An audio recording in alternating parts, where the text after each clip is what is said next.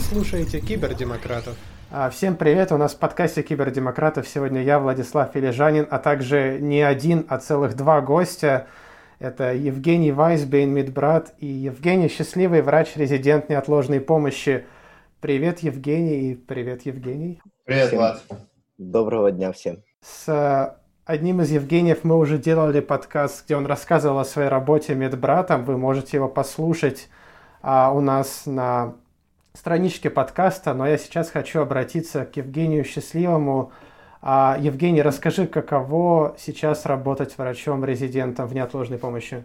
А, ну, видишь, у нас а, программа состоит из разных циклов, да, и помимо того, что я прохожу циклы в ЭМО, я дополнительно еще беру смены как в Мустамяйской больнице, так и в Ляна Таллина, получается. И еще дополнительно беру смены вот в этой желтой палатке, которая перед Перхов стоит перед Мустамахской больницей. И у меня порядка, наверное, 300 выходит часов в месяц каждый. То есть я в этом эмо, как бы, можно сказать, сейчас последние два месяца живу, одним словом. А о чем это говорит? Это такое просто большое желание присутствовать на передовой линии, или у нас, может, не хватает народу? Нет, э, э, персонала у нас все хватает. Это, наверное, мой, моя уже жизненная позиция, как говорится, лайфстайл. Mm-hmm. Я привык жить в таком темпе, чтобы в моей жизни что-то новое происходило. То есть я не могу просто так дома сидеть, сложа руки и ничего не делать.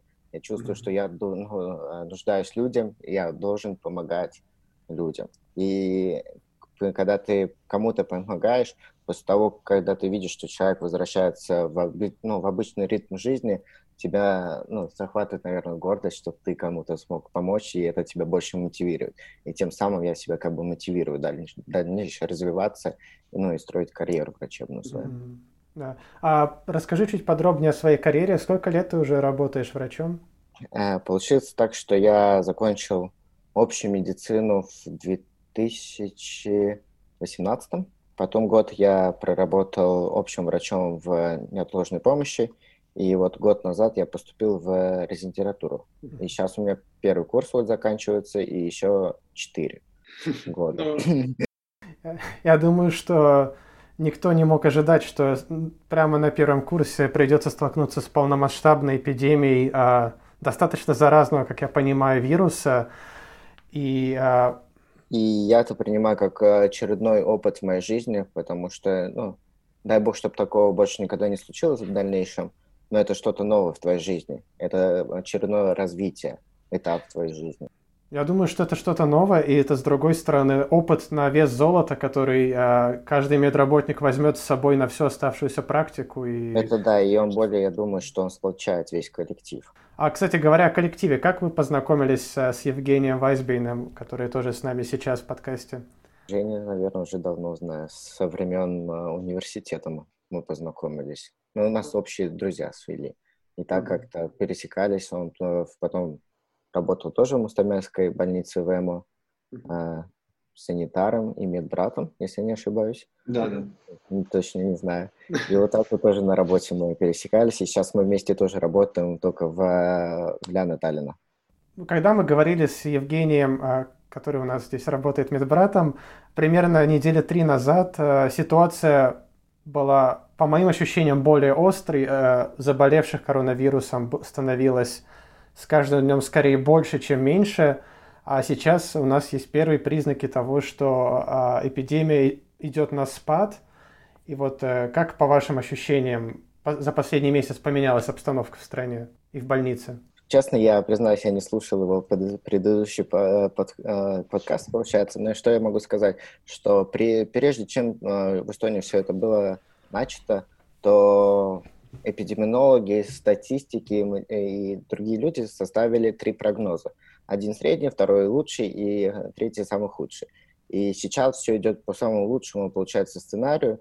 И если бы не эта вспышка, что было бы, ну, что было, была на Сарме, я, я считаю, что в нашей стране было бы, ну, мы бы входили в, хотя бы не в топ-10, как сейчас входим, а в топ-3 страны, у которых все, ну, вот вся вот эта система сработала. То есть мы смогли как-то предотвратить.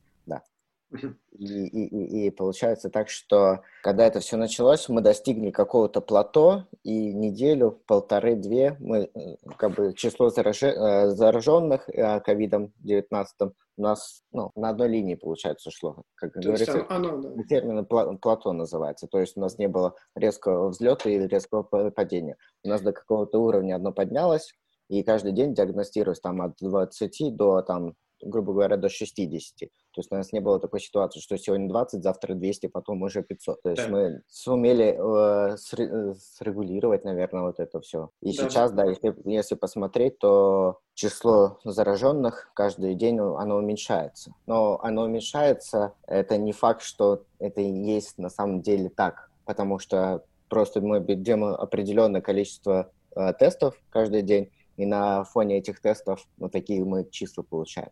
То есть этих людей может быть гораздо больше. Это об этом много говорят, потому что многие болеют бессимптомно, и у них и нет причины обращаться за помощью. Но вот а говоря об обращении за помощью, а, Евгений, э, ты работаешь э, медбратом скорой помощи, ездишь на вызовы, э, то вот по твоим ощущениям вызовов стало больше или меньше за последнее время?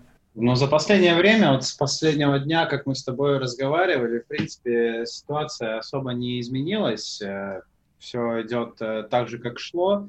Работа есть, э, вызовов много, какие-то дни бывает их меньше, чем обычно. В целом не без изменений. А вот я слышал, что на самом деле вызовов даже стало частично меньше, потому что если раньше люди могли пойти в МО, а, так сказать, на всякий случай, или потому что им они вот э, считали, что это заслуживает внимания, а сейчас вот как будто стали меньше обращаться с проблемами, с которыми можно и не обращаться непосредственно срочно. Что самое интересное, естественно, мы уважаем э, проблемы каждого человека, но, на мой взгляд, э, мне показалось то, что э, с весомыми проблемами перестали обращаться, а как раз-таки с проблемами, которые могут ждать, стало обращаться еще больше. Хм. Почему так может произойти? У людей обострилось ощущение того, что они могут заболеть, даже если это не так? Э, мне просто кажется, что отсу... был, бывалое отсутствие планового лечения, оно вот заставляло людей все-таки обращаться за помощью ВЭМов для того, mm-hmm. чтобы найти либо какое-то определенное утешение, э, либо все-таки помощь. Но к сожалению, вот э, столкнулся человек с такой ситуацией, что делать ему нечего. И единственная возможность это либо скорая помощь, либо эмо.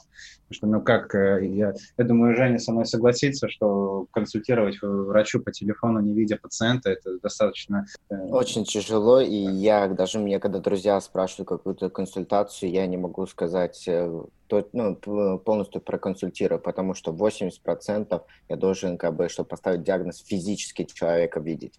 То есть одно уже визуальное э, представление о человеке, то есть если физически его вижу, мне уже какой-то там процент дает, к, к чему идти дальше, к какому диагнозу мне склоняться. Плюс mm-hmm. дальше мы же его осматриваем, там слушаем, трогаем и так далее. Э, это тоже какой-то определенный процент идет э, к диагностике.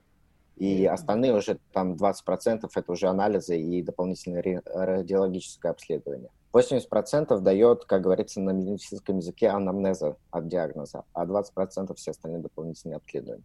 И а чем больше у тебя опыт, чем больше ты видишь пациентов, тем как бы, ну, ты, тебе проще уже диагноз ставить. Потому что когда люди пишут или что-то по телефону говорят, у каждого понятия какого-то определенного термина, слова по-разному. Иногда вот привозят пациента и говорят просто «мне плохо». Но слово «плохо» а, оно растяжимо, что у тебя болит, температура, и, или, не знаю, там палец у тебя ампутировался или еще что-нибудь. Каждое mm-hmm. слово плохо вот это вот по-разному понимает. Да. И поэтому лучше как бы ну, физически видеть. Я представляю, что это очень большая ответственность, когда люди тебе звонят, и они хотят, чтобы ты э, поставил им диагноз, но в то же время с недостаточной информацией гораздо, наверное, легче ошибиться, и поэтому, наверное, и не хочется, как бы, как, как мне представляется, вот гадать, если ты не видишь действительно, что, что реально происходит. Поэтому вот мне очень интересна как бы система работы 1220, это, так сказать, телефонная консультация, как бы, которая все равно приводит к вызову скорой помощи. А расскажи поподробнее про нее, это что, что они там делают? Это, грубо говоря, горячая линия, где медики могут предоставить консультацию по телефону, и вот опять же, я, честно говоря, не понимаю, как это возможно, когда человек, э, допустим, вот он звонит, он не умеет жаловаться, он, допустим, ну, есть такие люди, которые в своей жизни, они ну, не бывают просто вот у врачей, и вот тут им просто нужно вот, вот взять, вот позвонить, сказать, вот у меня болит то-то, то-то, но он физически, он, он не может просто объяснить, что с ним происходит. То есть, mm-hmm. э, и как бы это все равно все кончается тем, что человеку вызывается скорая помощь, скорая помощь приезжает и уже как бы ведет э, Э, дальнейшие меры осмотра и, и уже как бы решает, нужна ли ему госпитализация. То есть э, я все-таки тоже склоняюсь к тому, чтобы с пациентами был физический контакт, и э, его нужно пощупать, его нужно посмотреть, его, с ним нужно поговорить и понять. Каждому человеку нужен индивидуальный подход, а телефон, плюс еще за свой счет, я, честно говоря,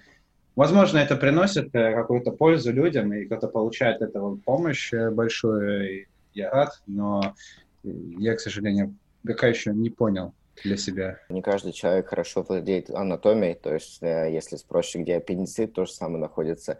Люди иногда не знают, где он находится, это во-первых. И во-вторых, как бы физически человеку проще рукой показать, где болит, куда отдает и так далее. Я просто думал, может, ты бы мог нам немного рассказать о том, как сейчас выглядит э, плановое лечение, потому что я так понял, что хотя, в принципе, оно приостановлено, но есть группа больных, которые все равно его должны получать, потому что иначе никак. Э, что касается планов больных, я, ну, это на своем опыте даже убедился. У меня у дедушки онкология, получается, которая получает химию.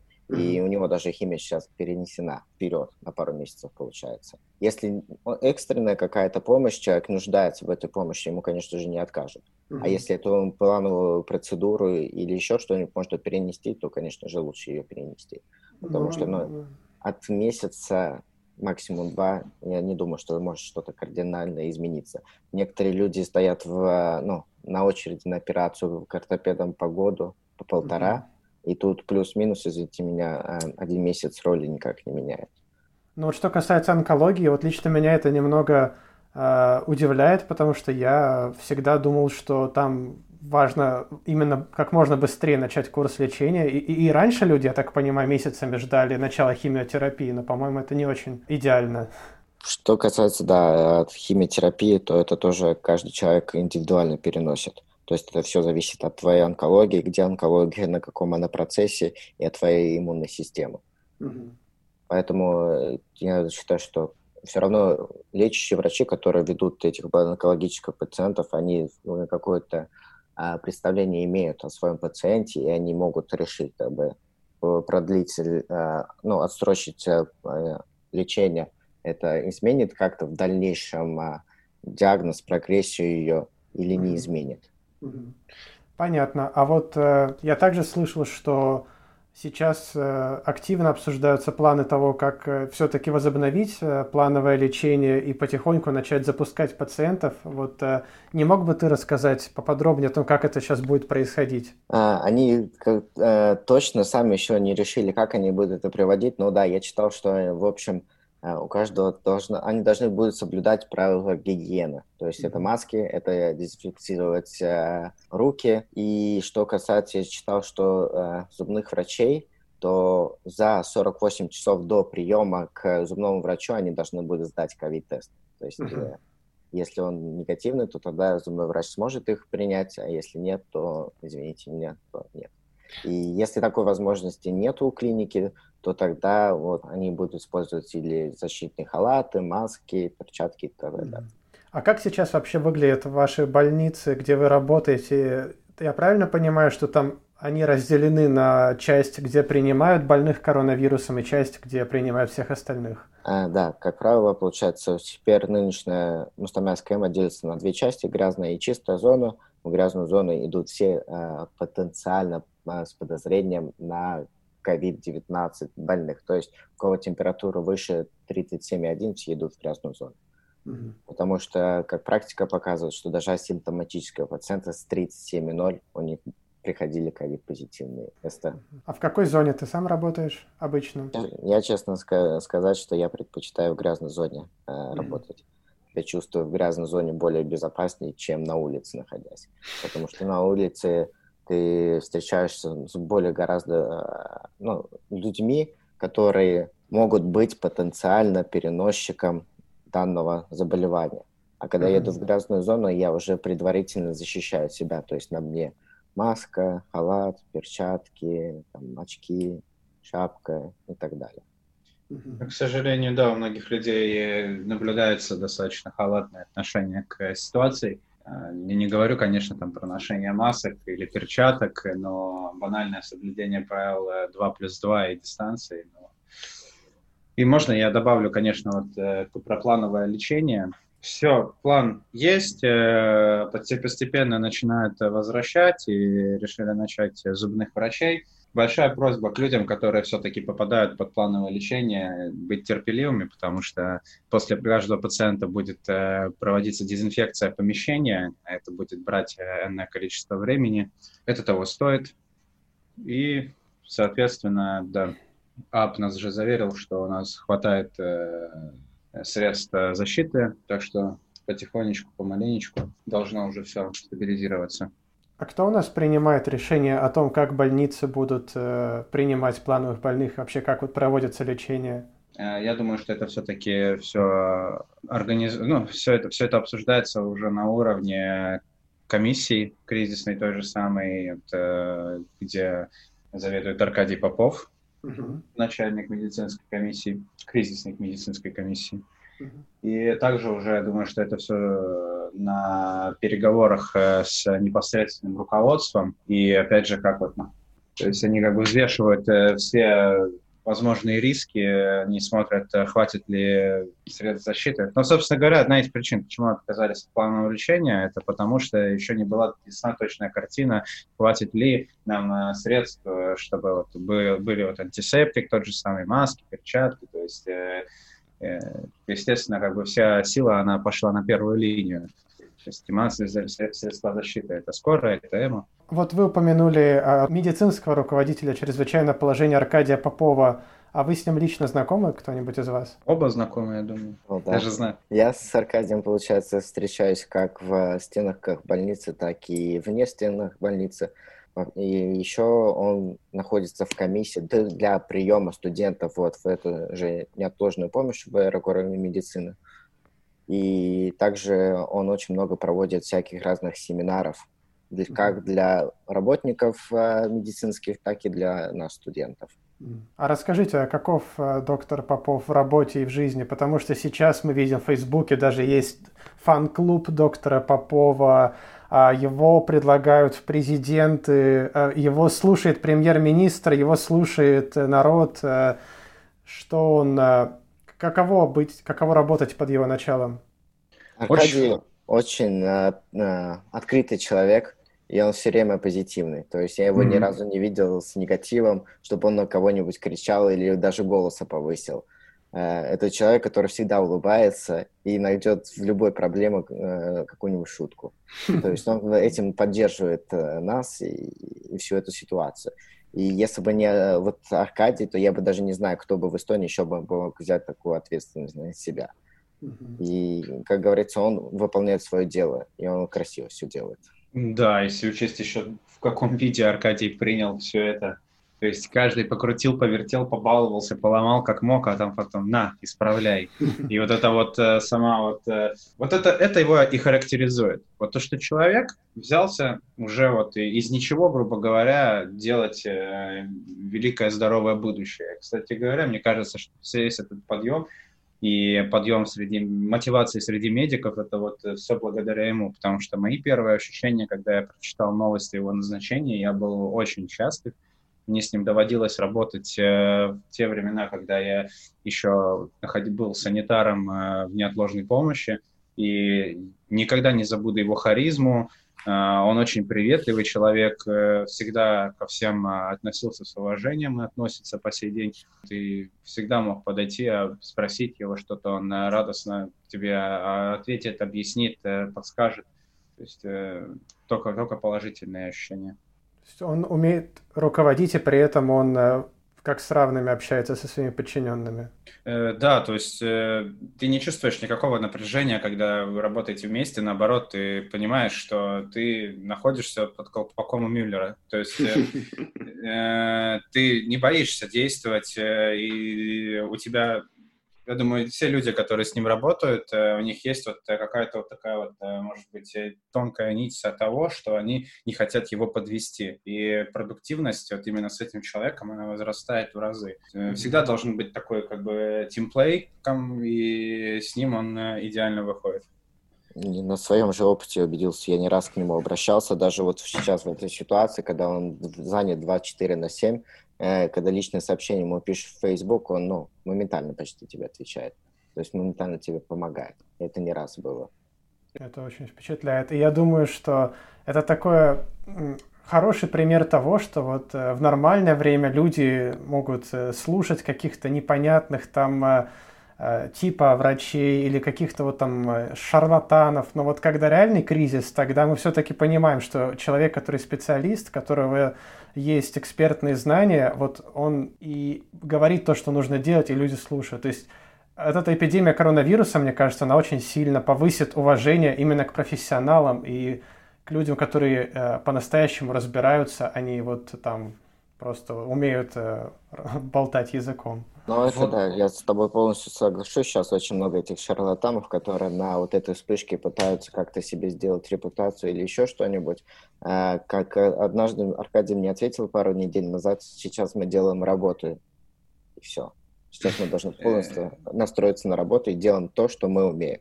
Вот на самом деле это прям вот вот в точку. Э, и опять же, вот немножко добавлю, что я надеюсь, что сейчас люди и вообще правительство, оно увидит и поймет такую вещь, что подобными органами должен руководить компетентный человек. Человек, который уже с опытом, и он знает, что нужно делать, он знает, э, как распределиться ресурсами, и он это как, вот, грубо говоря, вот, э, психолог или тот же самый священнослужитель, который вот, э, прошел через дно, и он э, вышел наверх, и он помогает, также тащит вот остальных людей.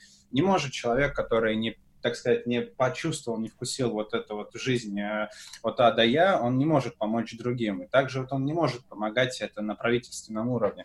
Поэтому я думаю, что это будет сейчас огромный опыт и понимание, что следующий наш э, все-таки э, первый свой министр, он все-таки должен быть подобному Аркадию и также вот добавлю насчет его фразы, что вот сейчас мы делаем работу, я тоже с этим полностью согласен.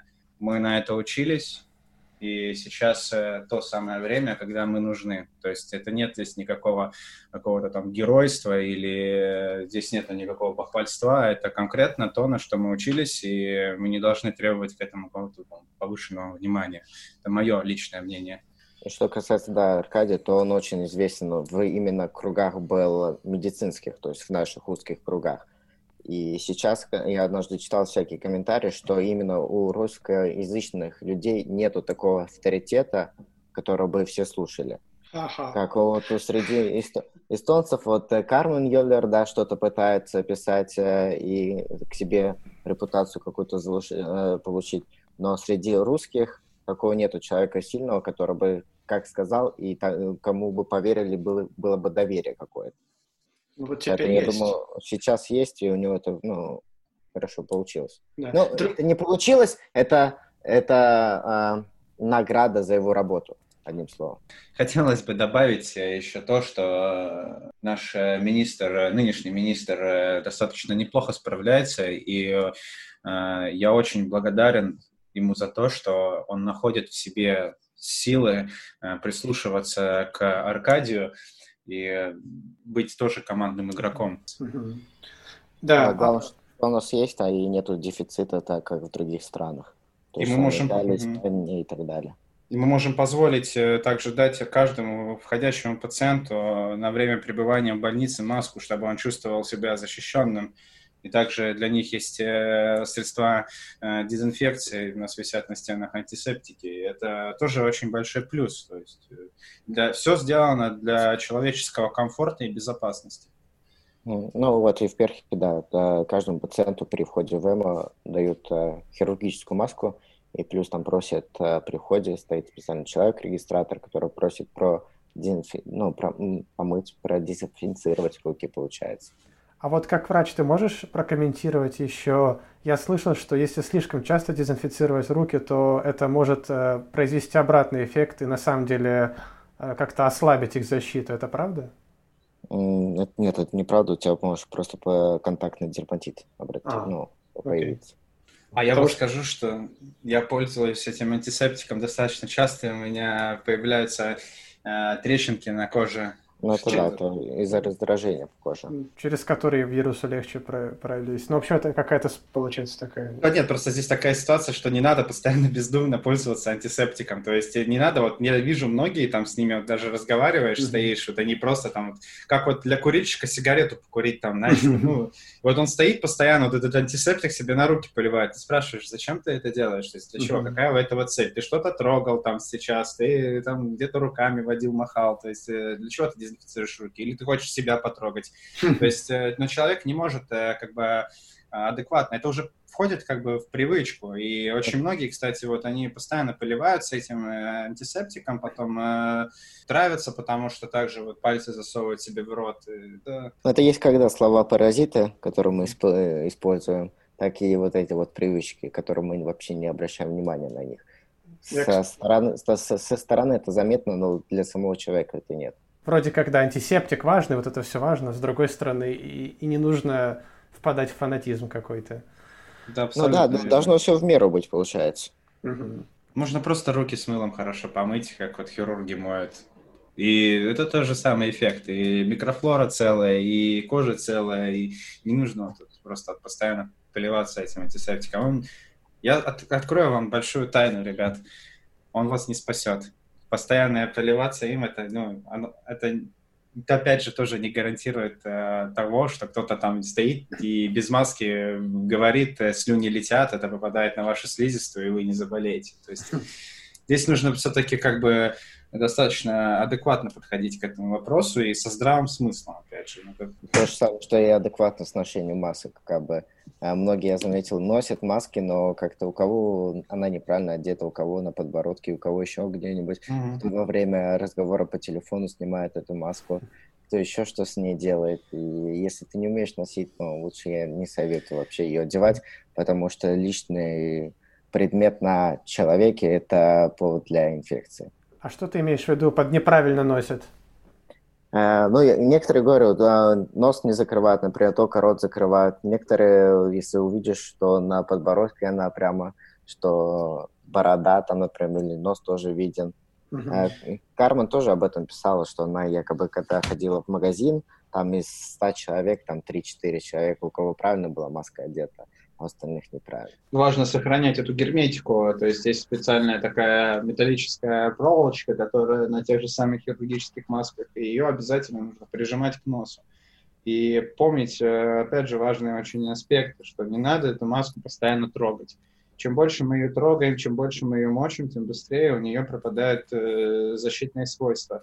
А также представьте, мы вот руками везде трогаем, там, да, какие-то поверхности, и мы опять, опять же тянемся, трогаем эту маску, касаемся лица, то есть э, смысл э, ношения этой маски, он очень быстро пропадает.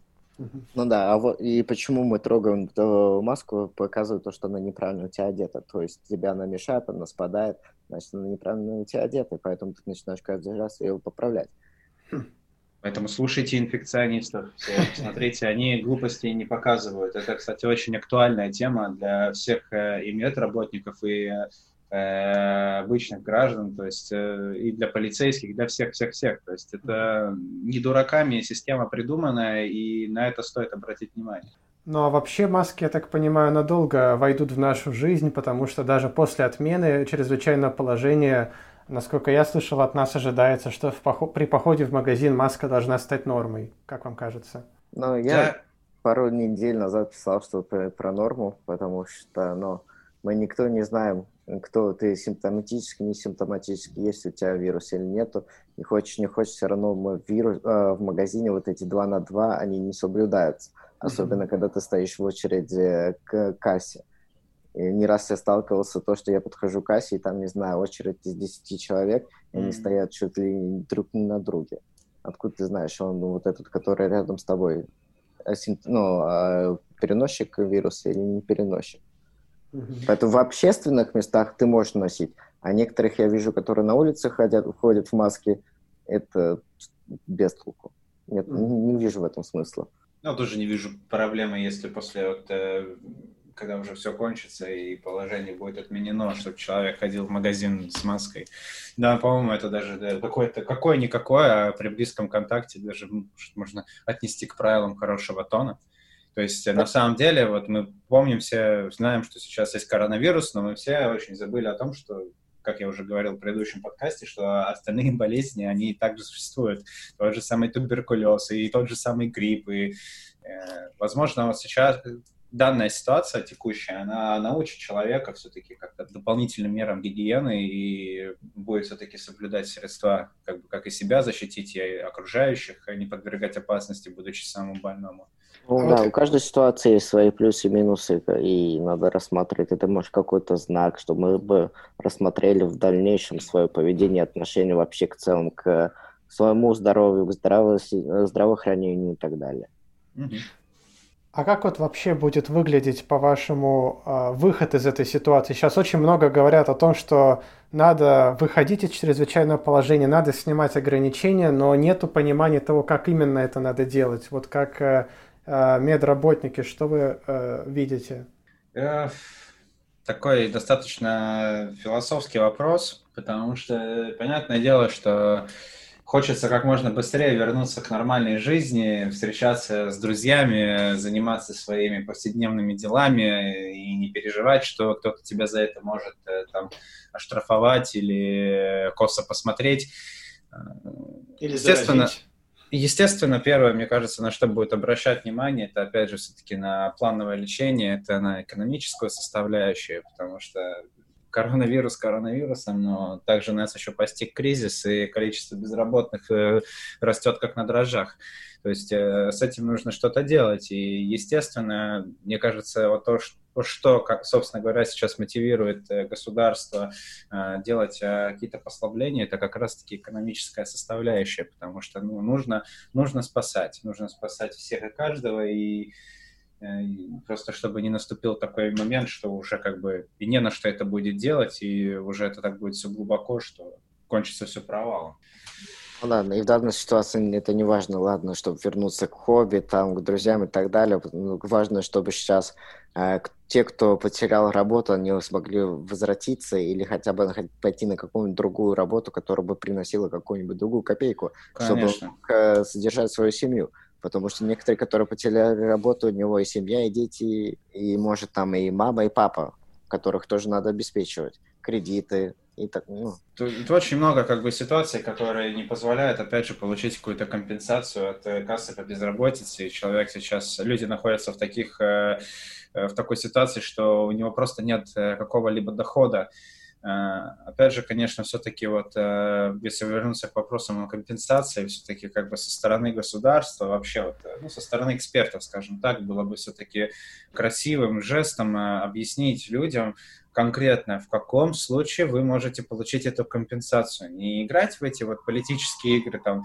что из серии О, там, мы там организуем компенсацию и т.д. и т.п. Открываешь статью, ну, кликбейтную, открываешь статью и уже читаешь, что а, эту компенсацию там получат вот такие-то, такие предприятия. Окей, под кого-то это попадает, человек хочет получить эту компенсацию, а ему уже говорят, что, а, нет, ты не попадаешь под, под другие критерии, которые абсолютно не освещены. То есть откуда он должен был это знать, это уже как бы такой, это вопрос, э, как говорится, ты ну, сам, сам, сам, сам себе должен на него ответить.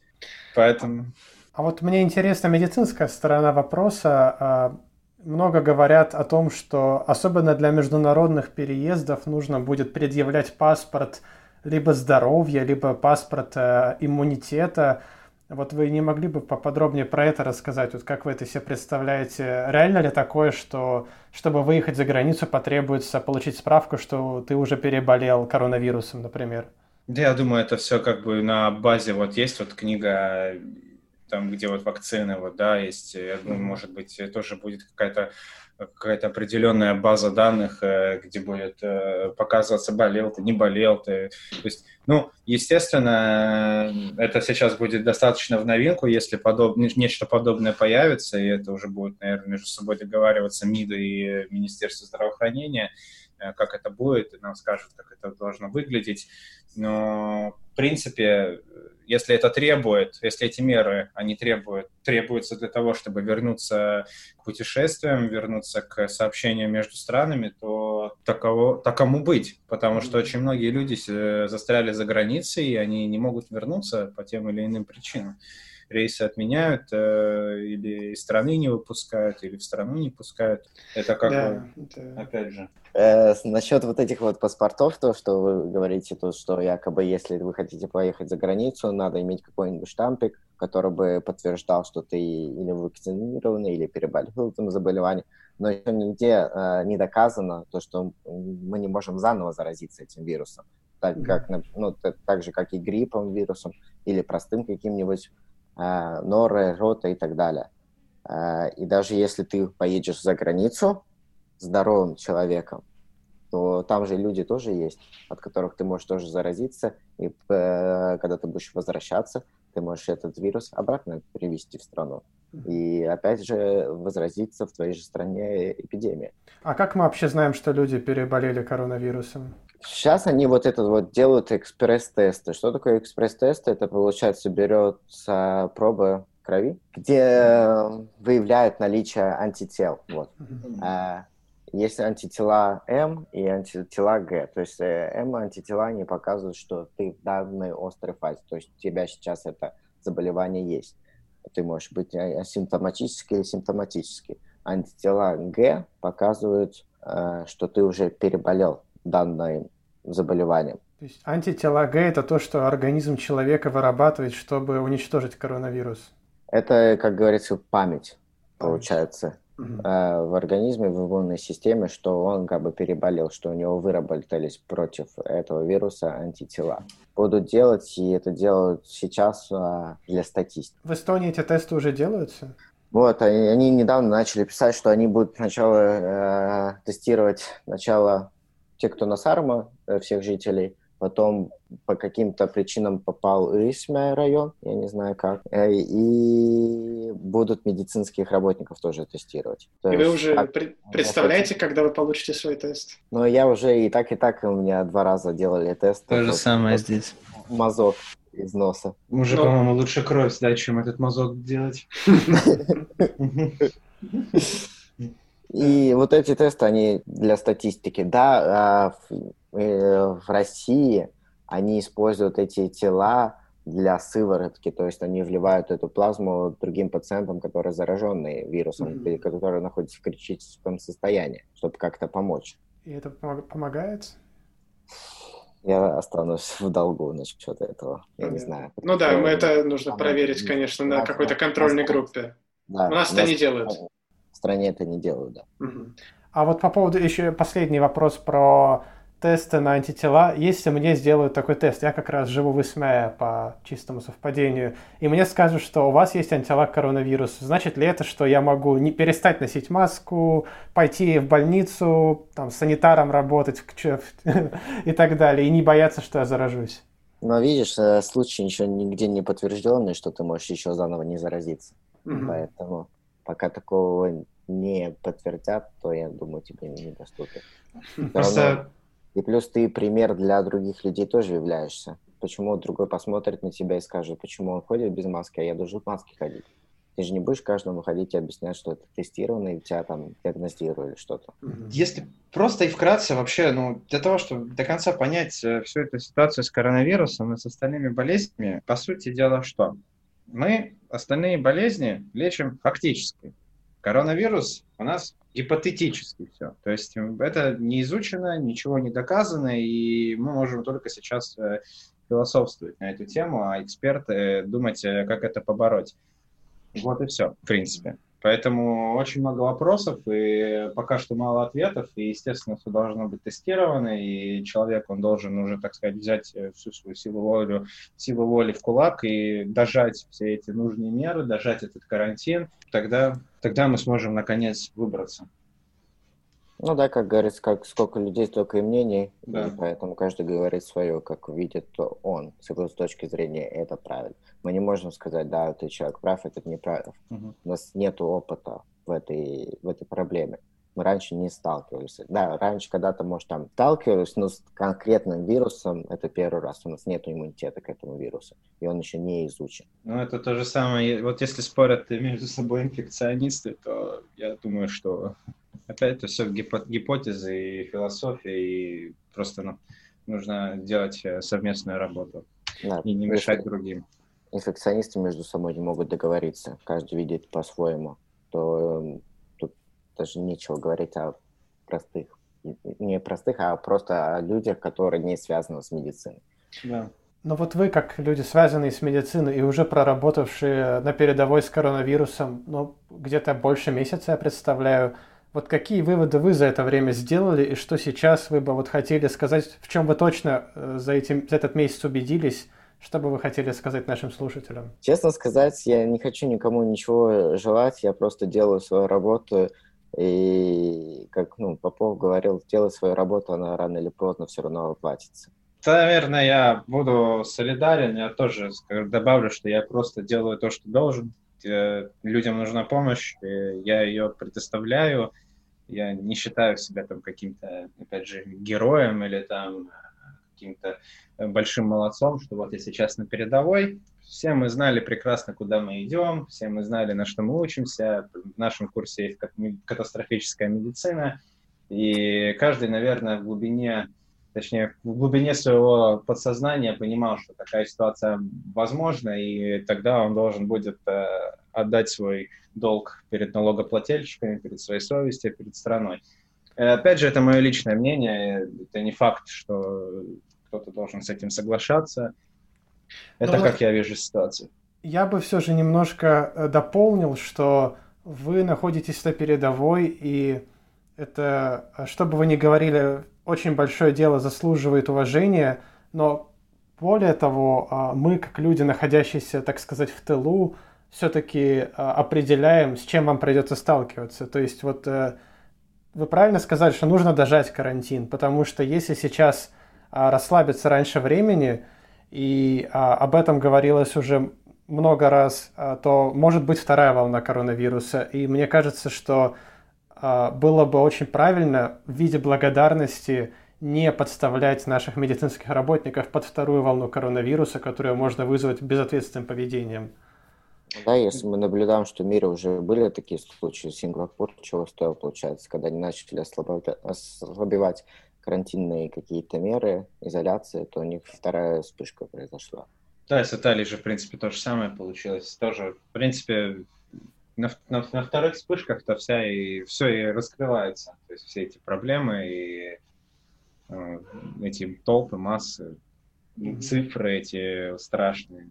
То есть это вот опять же все из-за того, что человек слишком э, рано радуется, слишком рано он устает, слишком рано он не берет на себя ответственность и Э, выходит там, скажем, ну, на улицу, собирается толпами.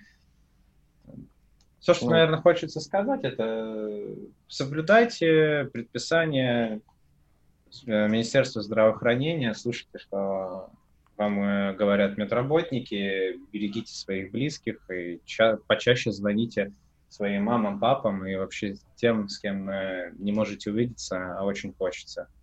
Да, и главное еще терпение, Потому что, как правило, ну, практика показывает, человек не умеет ждать. Это, конечно. Надо переждать. И что я хочу, хочу добавить не по теме сейчас, что многие мне иногда пишут, что якобы я хайпую на этом или еще что-нибудь. Э, то, что вот интервью у меня было в Делфи, э, но получается так, что я могу ответить, что кто не я, если будет как человек с этим тесно имеет контакт, кто другой будет делиться опытом, эмоциями, впечатлениями. И я не считаю, что это, это как бы иногда тяжело слышать от людей, которые там за спиной говорят или в лицо прямо говорят, но иногда пусть человек сам что-то сделает для того, чтобы других осуждать.